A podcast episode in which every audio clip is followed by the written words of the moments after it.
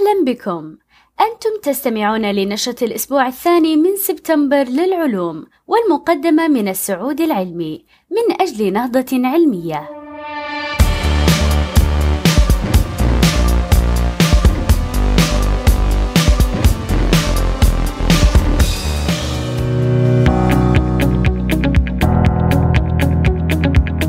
استخدام تقنية كريسبر كاس تسعى لتغيير لون زهور بالكامل.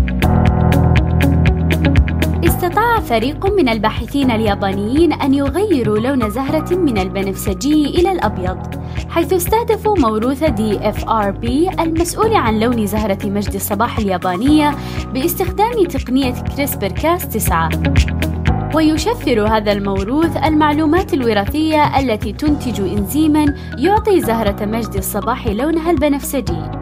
ولقد توقع الباحثون أن قص هذا الموروث سيجعل الزهرة بيضاء اللون وهو ما أثبت البحث صحته.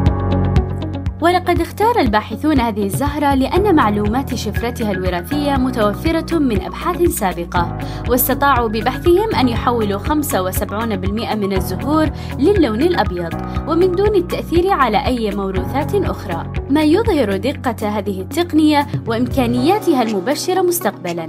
وعلى الرغم من أن هناك الكثير من المخاوف من إساءة استخدام هذه التقنية، إلا أنها تفتح آفاقاً واسعة للكثير من الإمكانيات الإيجابية. ولقد نشر الباحثون هذه الدراسة في دورية التقارير العلمية.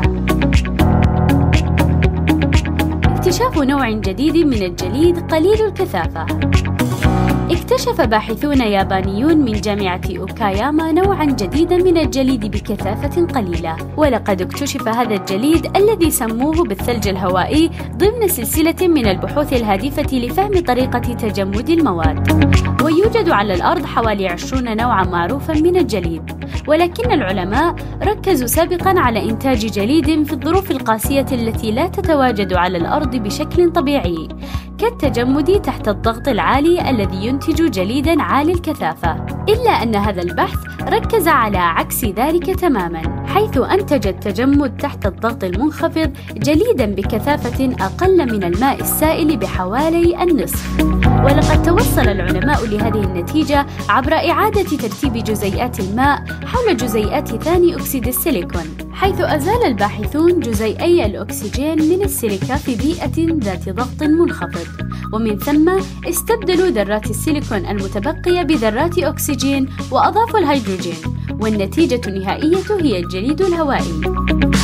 وعلى الرغم من أن النتائج لا تبدو مهمة لغير المختصين حاليا إلا أن التطبيقات المستقبلية لاكتشافات كهذه كبيرة جدا مثل فهم طريقة تصرف الماء في البيئات الفضائية والفجوات الصغيرة. ولقد نشر البحث في دورية الفيزياء الكيميائية. الباحثون يبتكرون نوعا جديدا من الحواسيب الكمومية. تمكن باحثون أستراليون من جامعة نيو ساوث ويلز من تصميم نوع جديد من البت الكمومي بأساس سيليكوني والذي يمكن أن يسهل عملية بناء حاسوب كمي كامل وبتكلفة واقعية حيث يستخدم الحاسوب الكمي خصائص عالم الكم الغريبة لتسريع الأداء وسرعة المعالجة.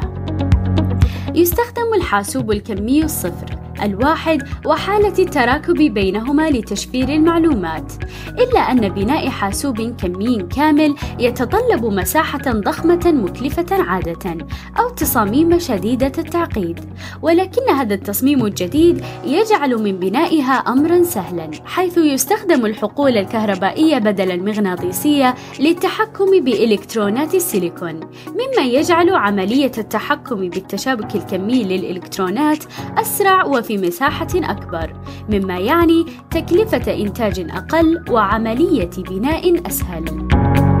تعمل هذه البتات الكمومية الجديدة عن طريق تشفير المعلومات على كل من إلكترون ونواة ذرة فسفور مثبتة على رقاقة السيليكون وتربطها شبكة تبريد قريبة من الصفر المطلق ثم توضع في مجال مغناطيسي ويفتح هذا الباب لمستقبل تكون فيه الحواسيب الكمية أصغر وأرخص. ولقد نشر البحث في دورية Nature Communications.